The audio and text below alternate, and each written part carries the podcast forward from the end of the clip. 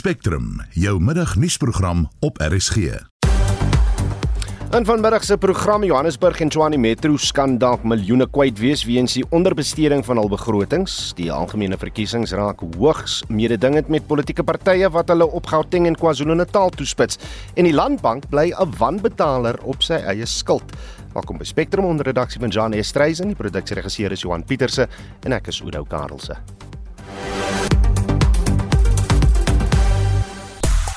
Die Proteas mans en vroue kriketspanne kou harde klippe op die toetsfront.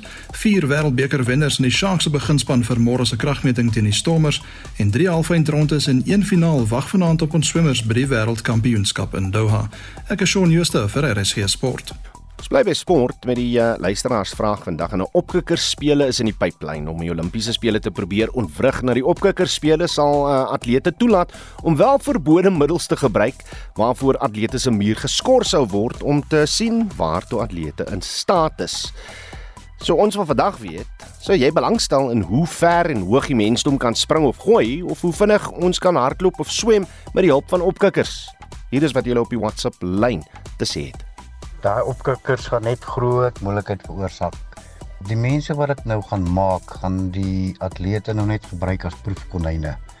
So gaan hulle dit al hoe sterker en sterker maak en nee, ek stem nie daarmee saam nie want dit gaan die mense doodmaak en dit gaan 'n uh, kompetisie wees wie die sterkste en die meeste daarvan kan maak. Peter Alman van Pelvo. Nee, wat ek dink hierdie opkikker 'n storie uh, is glad nie 'n goeie idee nie behalwe dat dit ook kan tot gesondheidsprobleme lei, dink ek is dit uh oneties. So ja, nee, ek dink opkokkers totaal verban word uit sport. Ja, Oudo, ek sal graag wil sien hoe hulle die 100 meter in 1 sekonde hardloop. Opkokkers is gesonde.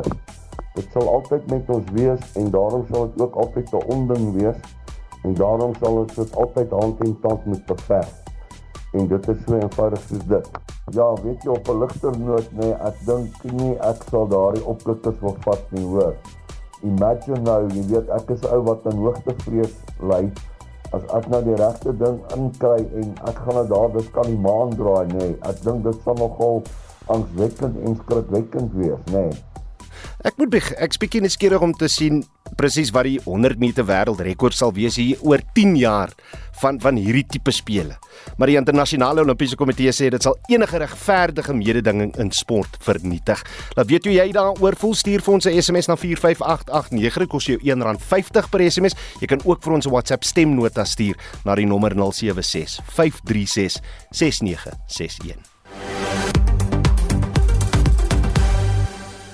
Onderprestasie en begrotingsgeld wat nie volgens die riglyne van die nasionale tesourie bestee word nie, dit gaan veroorsaak dat die Johannesburgse en Tshwane metro's gesamentlik 1,8 miljard rand aan die tesourier moet teruggee omdat die geld verbeur verklaar word. Die adjunkdirekteur-generaal van die tesourier, Majileng Kaleni, het eh, van die van dese week aan die Metro Raad geskryf om voor te stel dat 'n gedeelte van die 2023-24 toelaas nie aan die metro's uitbetaal sal word nie.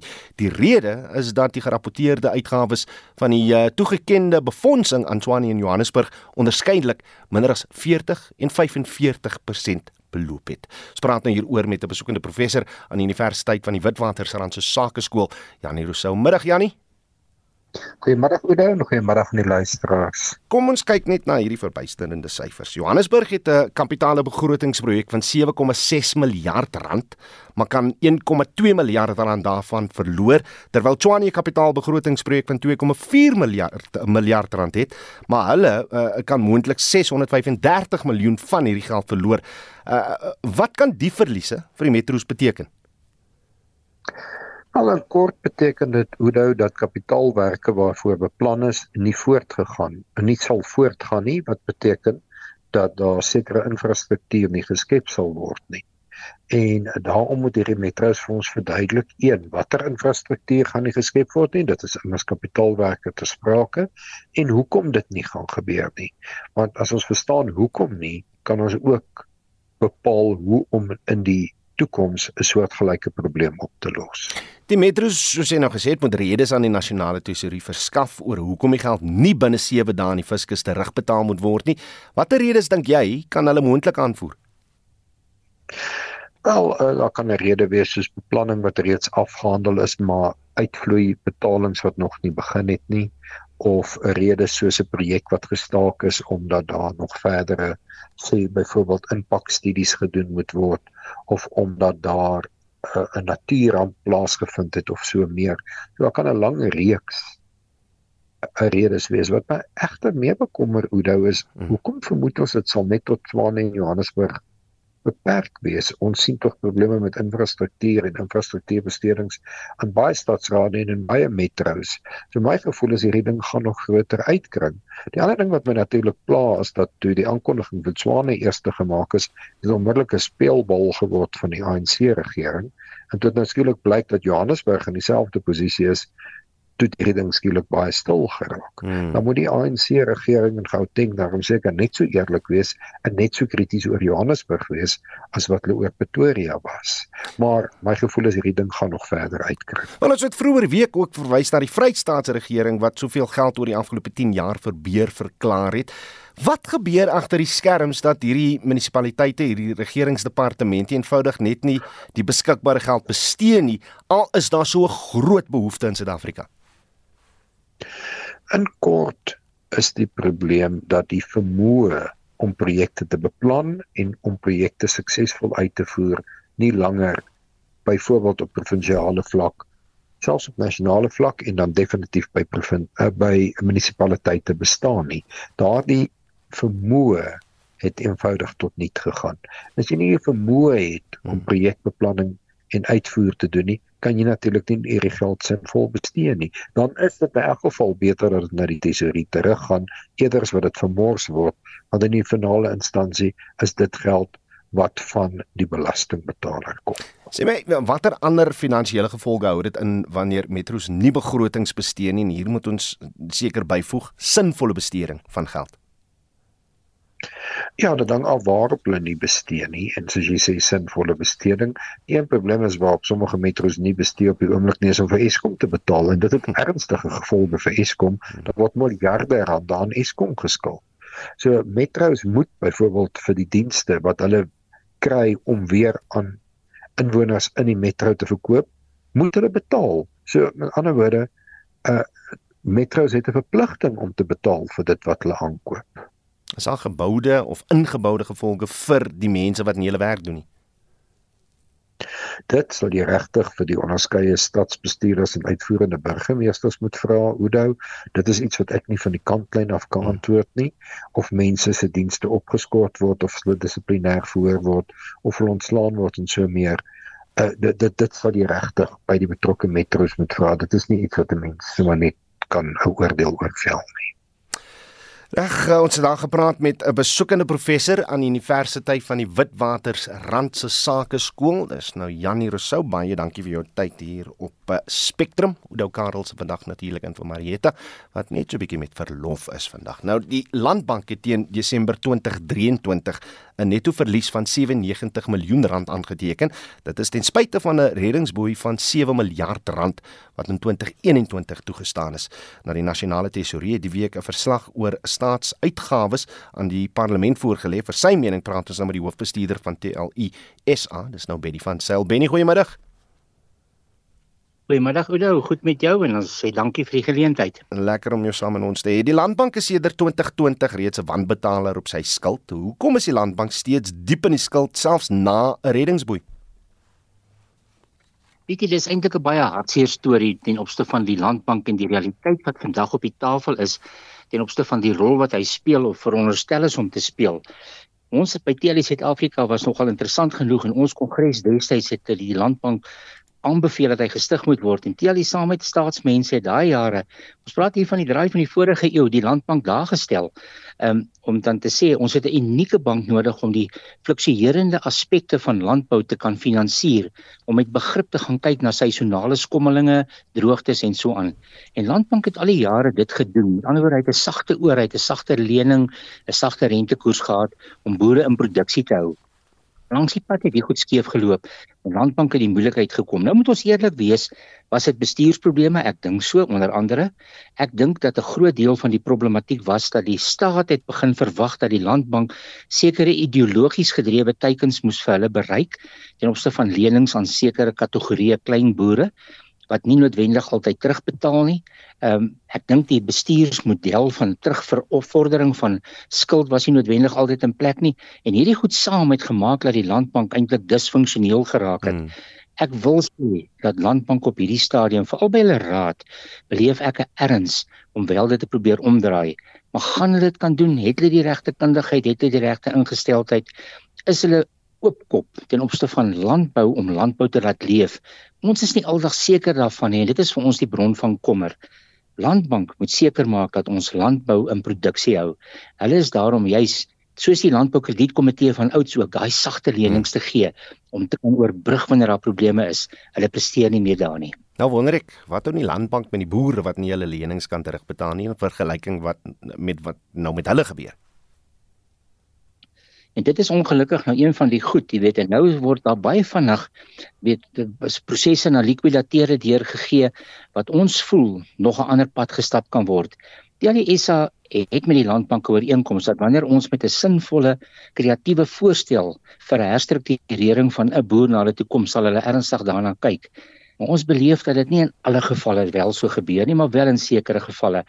Ek dink daar's weer 'n brug te bou tussen landbou en landbank. Landbank het 'n vertrouensbreuk gepleeg na die breër landbouomgewing oor tyd heen as gevolg van al hierdie negatiewe aspekte. En dit maak dat Landbank op hierdie stadium nie na behoore die rol vervul wat hy behoort te vervul nie. Hmm. Hoopelik is net 'n ja of nee van jou kant af, maar moenie minister van finansies nog 'n reddingsboei toestaan dan moet daar verantwoordelikheid geplaas word. Ja, maar dan moet hulle seker maak dat landbou gaan reg landbank gaan reg funksioneer. En ek's bevrees met die huidige bestuurskapasiteit is ek nie aldag seker of dit kan gebeur nie dit dan Benny van Sailly hoofbestuurder van TLU SA. Nou die voormalige burgemeester van Kaapstad Dan Plato is een van die handjievol hoë profiel politici wat die DA verlaat het vir die algemene verkiesing. Nou die voorsitter van die party se federale raad Helen Zille het in haar reaksie op Plato se besluit gesê dat hy eenvoudig weggespeel het want hy kon nie die DA se kandidaatlys maak vir die verkiesing nie en nou probeer hy op beginsel sy besluit regverdig. Dis Helen Zille se siening hieroor. Ons praat nou met Plato. Dan goeiemôre. Goeiemiddag. Jou jou reaksie op wat Helen Zille oor jou sê? Man, ek het geen idee van enige kandidaate lys nie. Ek het dit nie gesien nie. Ehm um, ek weet nie van so 'n lys wat bekend gemaak is aan die kandidaate nie.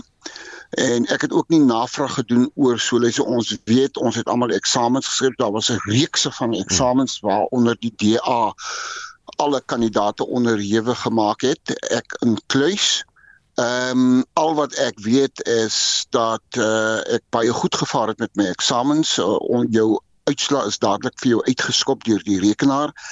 So jy weet hoe jy gevaar wat 'n persentasie jy gekry het, maar ehm um, nee, ek is geensins bewus daarvan dat die enige lys al bekend gemaak is. Dit is baie interessant mm -hmm. dat uh, na my bedanking dat so 'n lys nou skielik bekend gemaak word en sê dit is die rede waarom Dan Plato bedank en dit was glad nie die die die rede gewees nie. So ehm um, ek glo nie wat die DA se Helen Zille in hierdie verband te sê het nie. Toe jy by Marius Fransman se People's Movement for Change aangesluit het, het jy aangevoer die DA het sy politieke beginsels verloor. Watter beginsels is hier te sprake, hè? Man, look, uh 'n mens beweeg uh, oor die Kaapse vlakte heen en en en en jy mis uh projekte en programme wat fokus op die mees vulnerable mense van die Kaapse vlakte en elders in die provinsie. Hmm. Geen projekte nie, geen programme nie. Uh, look op ander vlakke doen die DA baie goed op die politieke vlak. Ek wil nie die geleentheid gebruik om die DA af te skiet as 'n politieke party as as dat hulle sleg is nie. Nee, dit glad nie dit nie. Feit van die saak is net uh, daar is baie baie issues wat die party kan aanspreek wat net nie aangespreek word nie. En ek dink dit is waar die DA kortval en ek is van mening dat 'n ander huis uh, dalk baie beter kan vaar om daardie spesifieke sosiale issues hmm. maksimaal aan te spreek. Maar kom ek vra jy net vinnig weer oor die oor die leierskap van die DA. Sammy Klasen, Komé Ramolifo, Galeb Kochalia, nou jy. Dink jy daar's iets wat julle besluit in gemeen het ten opsigte van hoekom julle weggestap het van die DA? Man heel moontlik uh die soos ek reeds genoem het die die die die armoede kwessie spesifiek. Ehm um, ek is van mening nie eens die ANC spreek daardie kwessie maksimaal aan nie. Ehm um, dieselfde getalle mense stem vir dieselfde getal par, uh, par politieke partye elke 5 jaar. Maar die sosiale uh issues bly dieselfde. Daar is geen verbetering nie. Ehm uh, maar aan die einde van die dag dink 'n mens dat jy jou plafondfase in 'n sekere party bereik, uh, dat jy dalk uh, jou kundigheid uh, dit wat jy graag wil doen, die uitleef van jou passie dat jy dit dalk in 'n ander huis baie beter kan doen en dit was die finale oorweging vir my gewees. Helen Zelle het ook verder aangevoer dat jou vertrek nie sal verhoed dat DA ondersteuning sal geniet onder spesifiek breinkiesers nie. sien jy jouself as 'n trekpleister vir spesifiek breinstemme in die verkiesing? Wel, ek moet gaan werk. Ek moet in die veld wees, ek moet in die strate en die gemeenskappe wees om ons mense te oortuig om vir my party te stem. Ons weet die DA se formidable politieke party met 'n geweldige uh dekades lange trek rekord aan die einde van die dag. Uh, dit bly altyd in die oog, maar daar is ook baie ander mense wat baie ontevrede is oor hoe issues deur die groot uh partye gehanteer word en soek 'n ander huis en dit is waar die P PMC inkom om daardie alternatiewe huis vir daardie soort van mense soos ek te bied. Gaan jy vir Ellen hulle mis? Oudo dis dis onder die veld vrag daai. Lyk luister laat ek gou vir jou finaal dan sê. Uh, ek ek ek gaan weg sonder om vyande te maak in die demokratiese alliansie. Ek het groot waardering vir wat die party vir my gedoen het. Ek kan dit nie uit die oog uit verloor nie. Uh, Helen Zille sal 'n groot vriendin bly en en, en natuurlik baie ander ook Ellen Windey et cetera. En maar aan die einde van die dag, dit was 'n was 'n beginselbesluit geweest. Ek moet met daardie besluit van my saamlewe lewe en ek sien uit daarna om my in die ander uh politieke huis ook uit te leef en die nodige stemme te trek sover as wat ek kan. Dan Plato 'n voormalige lid van die Wes-Kaapse wetgewer en nou 'n partylid van die People's Movement for Change. Nou Gauteng en KwaZulu-Natal, hierdie twee provinsies geword waar politieke partye hulle magsgebied wil vergroot. Nou tydens die laaste kiesersregistrasie naweek vroeër van dese maand het die ANC vier van sy sewe topamptenare in Gauteng employ en die DA-leier, John Steenhuisen, het self aanvoerwerk in die provinsie gedoen. Die die ANC, EFF en die IFP gaan hulle verkiesingsmanifeste in KwaZulu-Natal bekendstel. Esther de Klerk doen vir ons verslag. Gauteng is een van die regering se gewildste tuistes. Die Unie-gebou is in Pretoria en drie van die land se grootste metro's is in die provinsie: Johannesburg, Ekurhuleni en Tshwane. Hier is die ANC-president Cyril Ramaphosa. Gauteng has 25% of our population, 15 million people. So many of our voters are here in Gauteng and KZN. So we've got to focus on getting people in Gauteng to register, not to the exclusion of other provinces. But Gauteng is the coveted jewel that everybody wants. KwaZulu-Natal was altyd in die verlede een van die ANC se sterkste provinsies maar die veelparty koalisie het volgens peilings grondgebied in die provinsie gewen. Steenhuisen sê dit lyk of die koalisie sowat 50% steun in KwaZulu-Natal sal kan wen en 'n moontlike oorwinning oor die ANC in die provinsie sal kan behaal. Hy plaas sy hoop op die DA burgemeester en premierskandidaat Chris Pappas. As we set forth on this important mission to rescue and liberate this province from the decline and the corruption and the maladministration that the ANC have brought, we offer up a candidate today who we know can get things done. And so it gives me enormous pleasure and great honor to tell you that the premier candidate for this party, the Democratic Alliance, in this election in this great province of KwaZulu-Natal is Chris Pappas. Dit blyk ook of Pappas 'n plan het. For too long the government has mistreated us, has lied to us and has disrespected us. But enough is enough. Today we are here to declare that we do not need to give up and we need not fear because there is a plan, there is hope and we are all more united then we are divided. It is time for each one of us to find courage to rescue KZN. And this will be done by a DA led government right here in KwaZulu Natal. Die EFF se steun in KwaZulu-Natal lyk volgens partyleier Julius Malema baie belovend. We are in the 2024 elections for nothing else but to win. So Mongezi Twala, you have no option but to win KwaZulu-Natal province. It is on your shoulders under the supervision of our capable deputy president to deliver this province. The people of Mtaba uyalingana, Josini, Tlotluwe, Mtubatuba must be rest assured that their freedom from traditional organizations masquerading as political parties is coming tomorrow. Politieke ontleeders meen die Vrystaat kan 'n moontlike verrassing oplewer met steun vir Ysmagashule wat nou die nuwe African Congress for Transformation lei en oud-president Jacob Zuma se MK-party kan moontlik goed vaar in Gauteng en KwaZulu-Natal. Die verslag is saamgestel deur Ntebo Makobo. Ek is Estie de Klerk vir SAK nuus. Ons bly by die storie en praat met die politieke ontleder aan die Noordwes Universiteit se Sakeskool professor Piet Kroukamp. Middag Piet. Middag Oudo. Hoe vry al die partye dan nou so hard na KwaZulu-Natal en uh bestaan daar 'n moontlikheid dat die prentjie kan verander daar? Wel, ek vir jou sê tot 2 weke gelede sou ek vir gesê het nee man Oudo, wat jy nie is uh, belangriker om te vra is daai stront, maar ek moet nou vir jou sê met die nuwe meningspeilings en die uh, opkoms van MK hmm by uh by minstens twee kiesafdelings uh laat 'n mens nou twee keer dink die meningspeiling wat wys dat uh MK kan sover as 9% landspyd kyk. Ek dink dis oorskat. Ek vermoed dis nader na 5%. Maar goed, maar in KwaZulu-Natal is daar duidelike tekens dat hulle baie goed daar kan doen en dit verander natuurlik die sit die kat in die duiwelhok daar want as die ANC se steun daar verder verdeel word, jy moet ook onthou dat daar is al klare diep verdeling daar in die sin daarvan dat die faksie wat tans die wetgewer bestuur beheer in die provinsiale uitvoerende komitee van die ANC bestuur is 'n anti-Ramaphosa faksie binne die ANC. Uh, ek dink die die die die die die die ANC het maagswede gehad oor KwaZulu-Natal, maar die laaste 2 weke het hulle pitswede gekry. Dit is dit is 'n aansienlik groter probleem as wat dit was, baie duidelik. Erns het Jacob Zuma die geld vandaan gekry, die gravitas gekry en dit lyk asof daar momentum in daai provinsie opbou uh teen die ANC. Is daar enigiets wat verhoed dat die MK party as hulle die koningsalwer kan wees daar in die provinsie, miskien kan werk met die ANC net om 'n punt te maak aan Ramaphosa. Kyk ek ek, ek dink uiteindelik sê nou maar dit gebeur so net dat uh die ANC moontlik mag kan verloor, hmm. behalwe as hulle met MK in 'n alliansie gaan of 'n koalisie gaan, dan dink ek daar daar sal 'n natuurlike saam, sal 'n kompromis wees, né? Met ander woorde, daar sal groot magsdeling plaasvind hmm. wat posisies betref. Maar daar's daar's daar is ruimte vir kompromis tussen die twee partye, veral omdat ek dink na die verkiesing sal die faksie wat teen Ramaphosa as die Duma faksie as jy dit sou wil noem, sal nog steeds die beheerende aandeel in daai provinsie hê. Vir hulle sal dit makliker wees om saam met MK te werk hmm. as die sogenaamde Ramaphosa faksie wat in ander provinsies in beheer is. Ja, dit gaan interessant wees.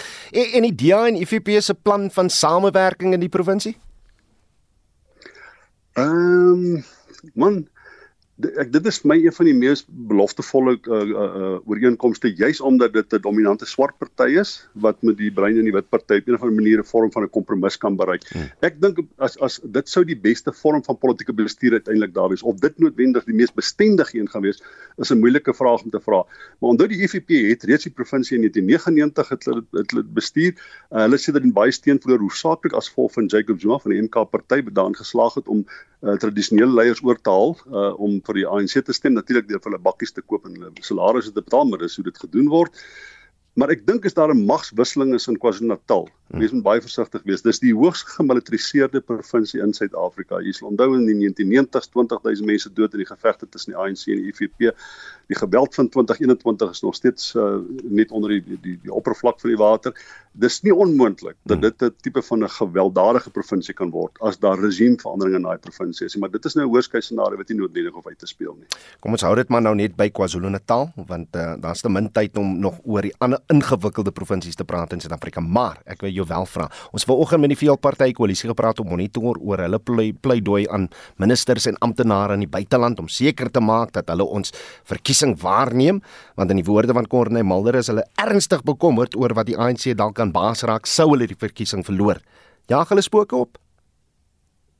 Ag ek weet ek, ek dink nie so dit hang af hoeveel uh, verifiering daar is hoeveel beheer daar is en onthou die goed stemme wat die buiteland uitkom is hoofsaaklik uh, word sal deur ANC amptenary daar bestuur word. So ek dink dis 'n soort van 'n waarskuwingsstoot skoot wat hy wat hy opstuur om vir hulle te sê dat dit kan geweldige gevolge hê as daar enige vorm van korrupsie later uitkom. Jy moet onthou dit is dit is heeltemal moontlik. Dit as net een persoon daar sê dat hier was ongeruimthede, dan is dit 'n geweldige slag vir die ANC. So ek dink dis 'n poging om die ouens te waarsku om dit om die ding so te bestuur dat dan nie later vrae daaroor gevra word nie, maar daar's nie nou nog tekens daarvan dat so iets nie beide plaas vind dit op noodwendig sal plaasvind nie.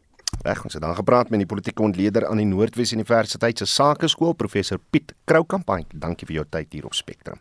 Jy luister na Spectrum elke weekmiddag tussen 12 en 1. Byna 12:30 en in die tweede helfte van ons program, die Nieu-Seelandse mans cricketspan het 'n geskiedkundige eerste toetsregsege oor ons eie Protea manspan behaal en inwoners van Lichtenburg en Burgersdorp loop deur onder gereelde krag en wateronderbrekings. Bly ingeskakel hier op RSG.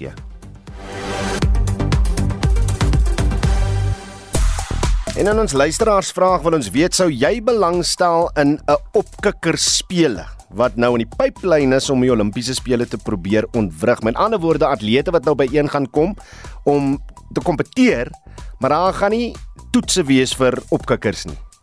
Inteendeel, kan jy maar vat wat jy wil, verbode middels of nie. So jy belangstel in so spele want hy is nou in die pipeline vir 2025. Op die SMS lyn skryf iemand dat wys jou net hoe korrup die mense se denke is om uh, so iets te oorweeg of selfs daaraan te dink. Dis uh Billy Griffiths en Hopefield eintlik wat ons daai boodskap gestuur het. En dan sê iemand oor Dan Plato, nee man, hy moet sy kop laat lees. Klein partye beteken niks nie. Dis Koos wat so sê oor Dan Plato se besluit om weg te stap van die DA. Ek weet jy jy, jy saamstem met enige van die menings wat daar gelig is. Maar stuur gerus vir ons 'n uh, paar SMS'e na 45889. Dit kos jou R1.50 per SMS of jy kan vir ons 'n WhatsApp stemnota stuur na 076 536 6961. Raak ons beweeg beweeg na die sportveld met Shaun Joostermiddag Shaun. Goeiemôre Guido. Ons begin met cricket en die Seeland maak toets cricket geskiedenis teen ons Suid-Afrika. Die enkeltoets teen Australië ontaard in 'n totale katastrofe vir die vroue Protea span. Ja, die Seeland het dit reg gekry om die eerste toetsreeks oorwinning oor Suid-Afrika te behaal toe hulle die tweede en laaste toets vanoggend in Hamilton met 7 paaltjies gewen het. Hulle is 'n teiken van 267 gestel en het slegs 3 paaltjies verloor toe op 269 eindig. Kane Williamson het sy 32ste onderstal behaal. En dan oor na vroue cricket, die Aussies het hulle eerste toets, ag hulle eerste eerder vroeër op 575 vir 9 verklaar. Die reuse voorsprong van 499 lopies. Annabel Sutherland het 210 aangeteken. Die Proteas met 500 lopies aanteken om Australië weer te laat golf en hulle staan op 67 vir 3 na 27 balbeurte. Reg, kontinuïteit is die wagwoord vir die Sharks terwyl die Stormers 'n reeks veranderinge vir die naweek se plaaslike derby in die Verenigde Rugby Kampioenskap aanbring. Nou, daar is slegs een verandering aan die Sharks se beginspan gemaak. Leroux Roetstradi nommer 4 op die rug. Die vier wêreldbeker wenners aan die begin 15tal vir die Sharks is die Sturt Oxen, Jay Skrimskakel, Jaden Hendrikse, Cleo Magazoli Mapinte en dan ook Lucanio Am die by senter en kaptein. Die Springbok Aker Bongi en Benambi maak ook sy terugkeer na 'n lang periode op die krikkelys en hy is op die plaatsvervangersbank ingesluit. Die Stormers is Netling Forsie die kaptein, Evan Roostra die nommer 6 op die rug en Yuri Matthee die loskakel. En die kragmetings kom môre middag kort na 5 op Kings Park in Durban af. En dan het vir die Bulls is die boksspelers Kenen Moody en Kurtley Arendse in die begin 15tal ingesluit met die slot Ruan Norke die kaptein. Nou hulle wedstryd in Johannesburg teen die Lions begin môre middag 3uur. En dan was dit ook 'n besige oggend by die wêreld swemkampioenskap in Doha. Ja, Jacques Clou en Matthew Saitjes beide deur na die 100 meter vlinderslag half eindrondes wat vanaand kort na 6 begin. Pieter Kutse is vanaand so 'n minuut voor 7 in die finaal van die 200 meter rugslag in aksie en onder die vroue swemmers het uh, Hannah Pierce deur na die is, is deur na die half eindronde in die 200 meter rugslag. Sy het 16 gekwalifiseer en Erin Gallagher kwalifiseer derde vinnigste vir die 50 meter vlinderslag half eindrondes. 'n tyd van 25.69 sekondes. En dan het oor na golfnuus. Ons sluit nou by Michael Flismus aan vir die jongste nuus oor die sonskynreeks wat dan mention data pro aan op Fan Court in George. Dankie Sean, dit bly nog koud en nat hier op Fancourt vir die tweede ronde van die mans toernooi op die Sonskyn Tour en dan ook die eerste ronde van die vroue deel van hierdie toernooi op die Sonskyn Vroue Tour. In die mans toernooi Engeland se Sam Hatsby en Frankryk se Benjamin Hebert loop tans voor op 7 onder syfer. Hatsby het vandag die Outeniqua baan gespeel as deel van die toernooi formaat waar hulle al drie Fancourt se bane moet speel en 'n uitstekende ronde van 65 aangeteken. Hebert moet nog steeds afslaan. Hy speel die moeilike linksbaan vandag en dis ook waar Bryce Easton tans bietjie sukkel. Easton was 2 houe voor na die eerste ronde, maar op die lens vandag is hy 3 oor na 9 bytjies en nou 6 onder vir die toernooi. Zander Lombard ook tans 6 onder. En dan in die sonskyn vroue toer se toernooi, Duitsland se Caroline Kaufmann loop tans voor na haar ronde van syfer op die Outeniqua. Suid-Afrika se Tannie McCallum is ook op syfer na 12 bytjies. Suid-Afrika se Leanne Pace, Stacy Bregman en Tara Griebenow is hulle naaste teenstanders op 2 oor syfer en nog besig met hul rondes. Dit is Michael Flismith vir RSG Sport. En kom ons keer dan net terug na die geskiedenis wat deur die Nieu-Seelandse mans kriketspan gemaak is uh, toe hulle die eerste toetsreeks sege oor Suid-Afrika behaal het met oorwinning vroeër vandag. Liesel Olivier kyk vir ons na hierdie wedstryd. Nieu-Seeland het vanoggend sy tweede beurt op 40 vir 1 hervat. Tom Latham was op 21 terwyl Kane Williamson nog sy rekening moes open. Maar Dane Piet het vroeg toegeslaan en net soos in die eerste beurt van Latham ontslaag geraak, die keer vir 30. Die swartpette was op 53 vir 2. Piet het 'n derde paaltjie platgetrek en Rachin Ravindra teruggestuur vir 20. Met die telling op 117 vir 3 het Will Young hom by Williamson aangesluit. Die voormalige Kiwi-kaptein was egter weer op sy stukke.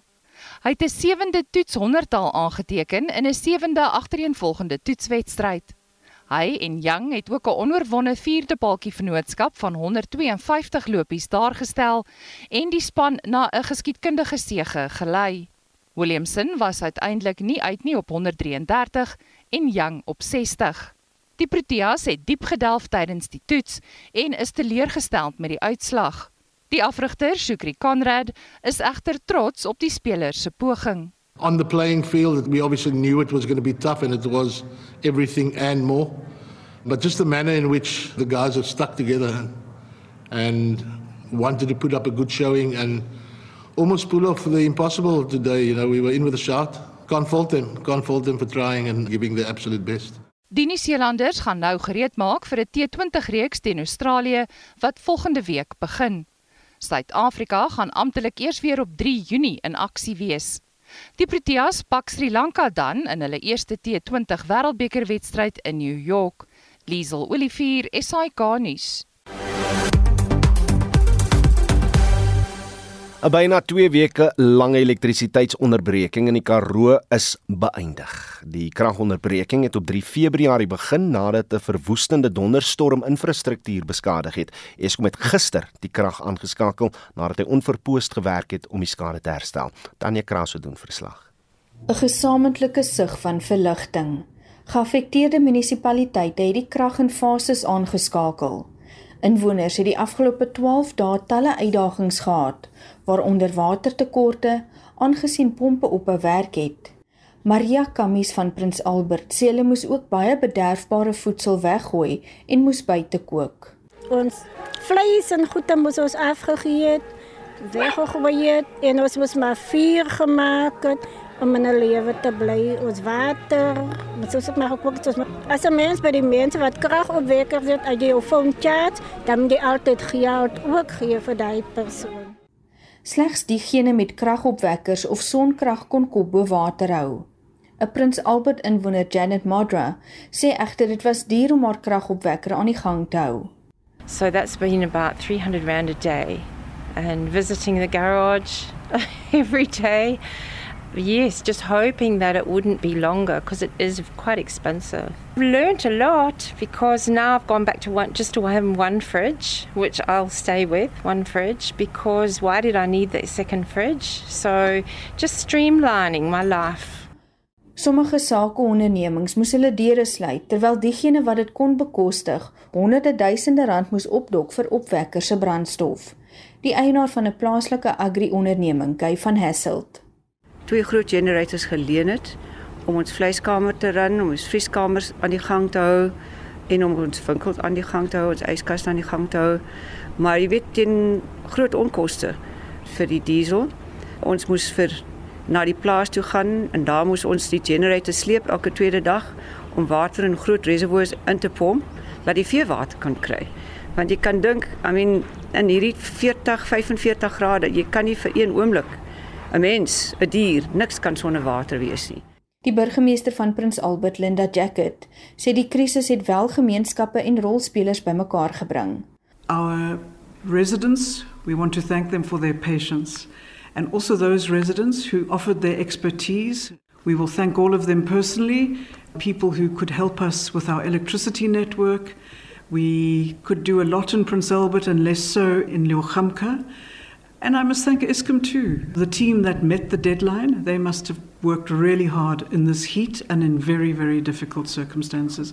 And I know that the Western Cape government, it was a, it was a really great partnership that managed to, to pull this off. And we have learnt a lot in these 12 days.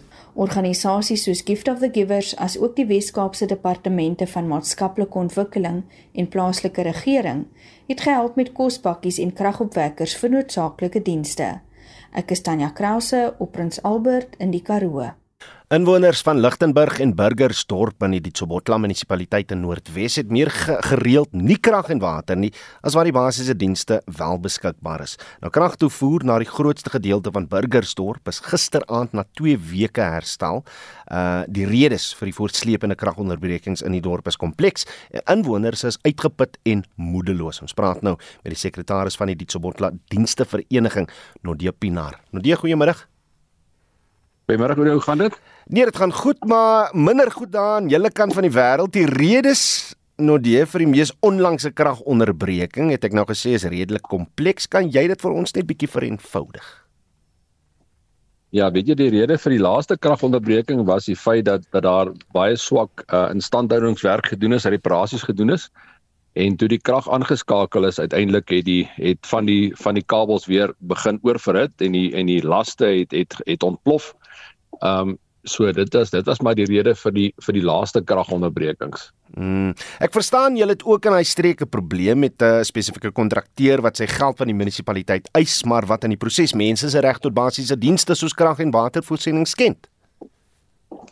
Ja, weet jy, dis ook 'n is ook 'n moeilike situasie. Dis 'n kontrakteur wat hier gewerk het. Ehm um, volgens ons inligting het hy nie 'n uh, kontrak gehad nie. Die kwotasies is nie aanvaar nie. Hy het hy het van die vorige werk gedoen teen 'n geweldige groot bedrag. Ehm um, hy is toe nie betaal nie.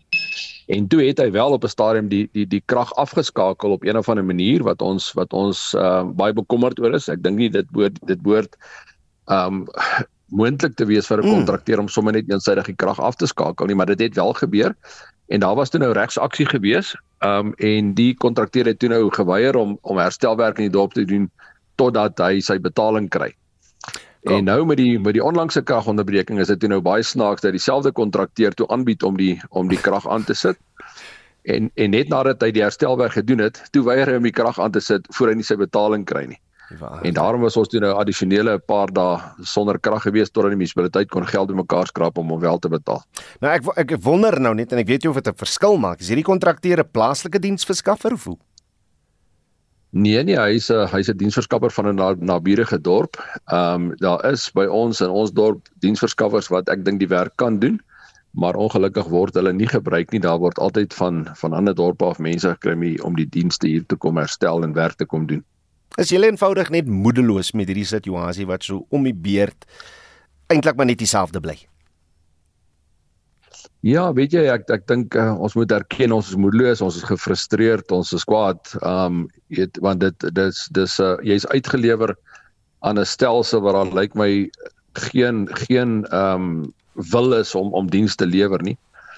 En en ongelukkig word die bal nou so rondgegooi tussen plaaslike munisipaliteit, distrik en departement dat dit baie moeilik is om 'n verantwoord of weet om 'n verantwoordelike amptenaar in die hande te kry om om jou situasie mee te bespreek. So so hoe is die Ditsobotla dienste vereniging op die been gebring en en en wat is die wat is die doel van so 'n organisasie? Ja, die doel van die organisasie is in kort om te sê kom ons kry al die kom ons kry al die ehm um, inwoners bymekaar en dat ons met 'n met 'n met een stem kan praat waar ons ook al moet praat. As dit dan nou is met die plaaslike munisipaliteit, dan moet dit so wees of as dit is dat ons moet moet praat in 'n hof later, dan moet dit so wees. Ons kry baie goeie ondersteuning van Sakeliga om vir ons te help met 'n met 'n regstrategie. Hmm. Ehm um, so in kort kom dit daarop neer ons moet al die mense bymekaar kry. Ehm um, om om uh, om met een stem te praat. Jy weet vir baie lank al is ons as inwoners besig om herstelwerk te doen op ons koste en dan moet ons nog vir die dienste betaal ook alhoewel ons die herstelwerk doen. En hmm. en en mense is is keelvol daarvoor. Dit ja. kan net nie so aangaan nie. Maar ons sal moet 'n ander 'n ander hmm. oplossing kry. Dit lyk my as jy 'n regsadvies kry, dan dan gaan dit afstuur op op, op regsprosesse. Wie is dit dan wat nie wil luister na wat jy te sê het nie? Weet jy as ek nou nou gesê daar was hofbevele gewees. Uh die hofbevel het in kort gesê die provinsie moet verantwoordelikheid vat vir dienslewering maar ehm um, die provinsie doen dit nie heidaglik nie en en en uh omdat sekere mense weet van die hofbevel doen die plaaslike en distriksouens nou niks nie want hulle sê die provinsie moet oorneem. Hmm. En die provinsie het nou 'n ander siening van die hofbevel. So ons word eintlik maar net rondgeskop van een hoek na 'n ander hoek. Nou die hoeveel voorbeelde is daar in die Tsobotla van waar die privaat sektor of mense wat daar woonagtig is net self inspring om dinge reg te reg te maak. Ja, ek het jou nou so rukkie verloor, het gesê hoeveel voorbeelde. Ja, hoeveel ander voorbeelde is daar van waar die private sektor of of net doodgewone inwoners van die munisipaliteit eh, net reg staan of tou staan om, om dinge reg te maak? Weet jy by ons is dit is dit gebeur dit telke maar as ek nou hier sit as die ouens besig is, ons private ouens besig om om krane goed oop te maak en te verwyder om te weer kyk hoekom hoekom is daar nie watervoorsiening nie. Uh 'n week of wat terug het die het die gemeenskap vir oor 'n naweek um self ingespring met die hulp van 'n gekwalifiseerde kontrakteur om laste te kry, kabel te kry, um waar die munisipaliteit net dood eenvoudig nie eens bereid was om hulle werkers te beskikbaar te stel om kabels oop te grou nie.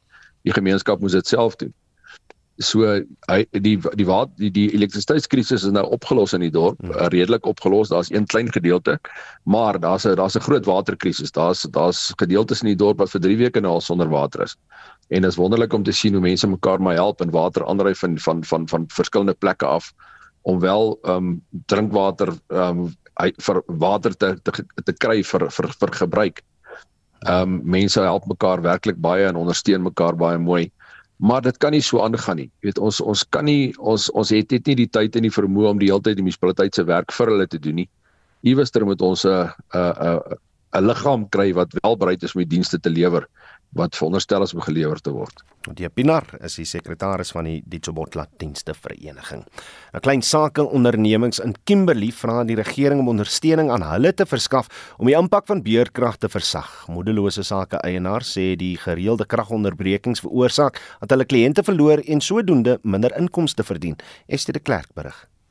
'n Sake-eienaar in Rodepan, Elroy Matsabi, sê beurtkrag het 'n groot impak op die winsgewendheid van sy besigheid. As dat gedurende beurtkrag gebeur niks. Jou besigheid word geaffekteer. Jou huishouding word ook geaffekteer deur dit. Jou besigheid in die sin van niemand gaan kom na jou toe nie. Want die oomblik as load shedding slaap, mense is nou nog nie gewoond vir dit nie. Mense raak nou nog kwaad as load shedding slaap.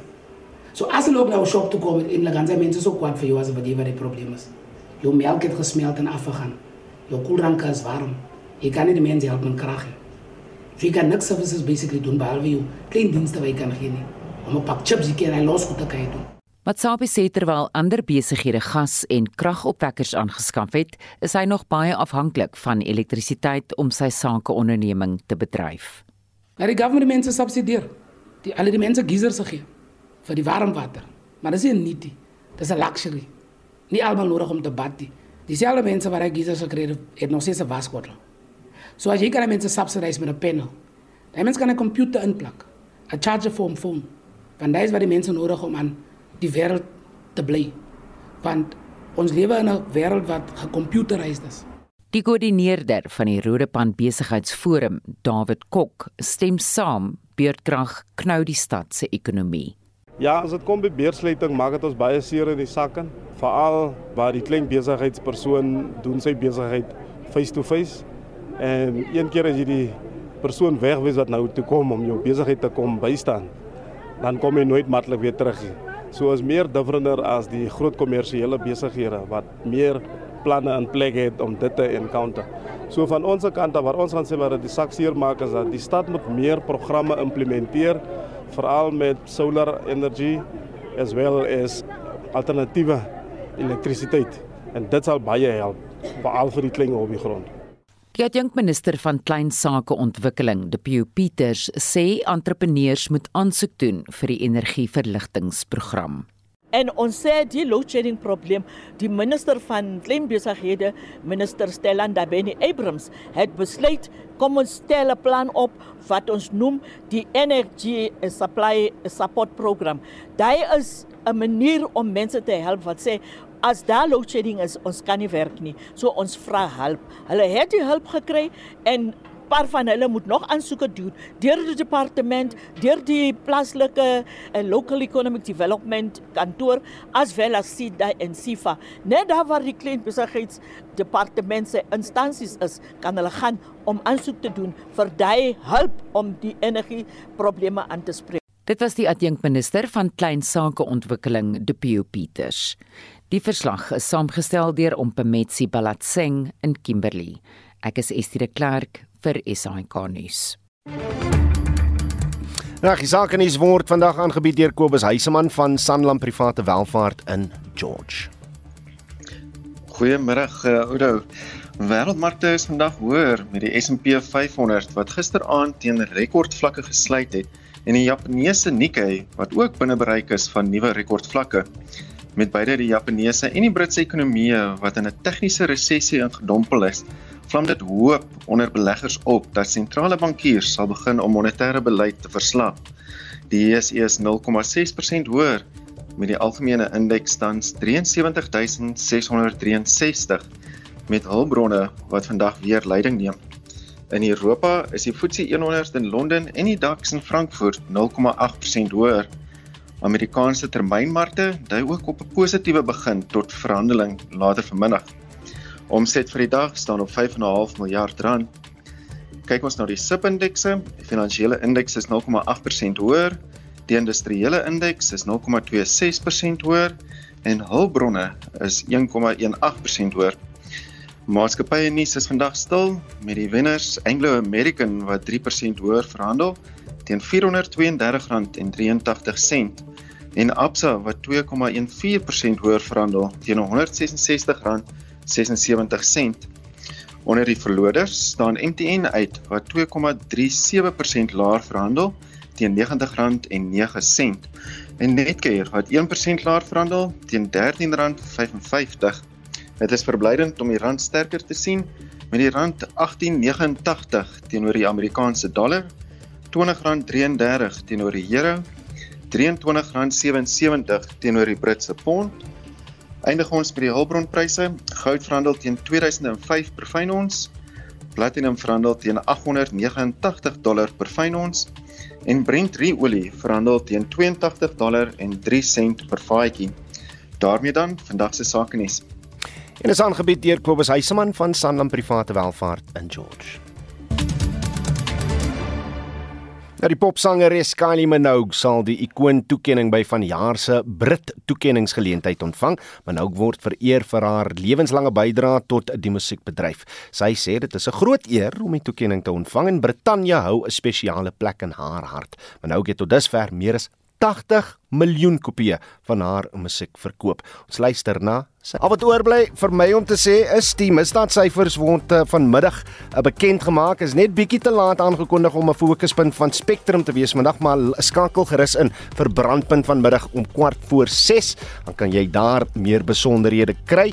Uh 'n 360 natuurlik is volgende. Onthou vorige uitsendings van al ons nuus en aktualiteitsprogramme is as 'n potgooi op RSG se webtuiste beskikbaar.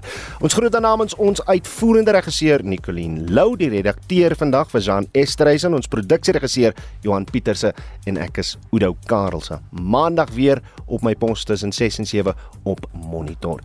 Lekker naweek vir almal. Totsiens.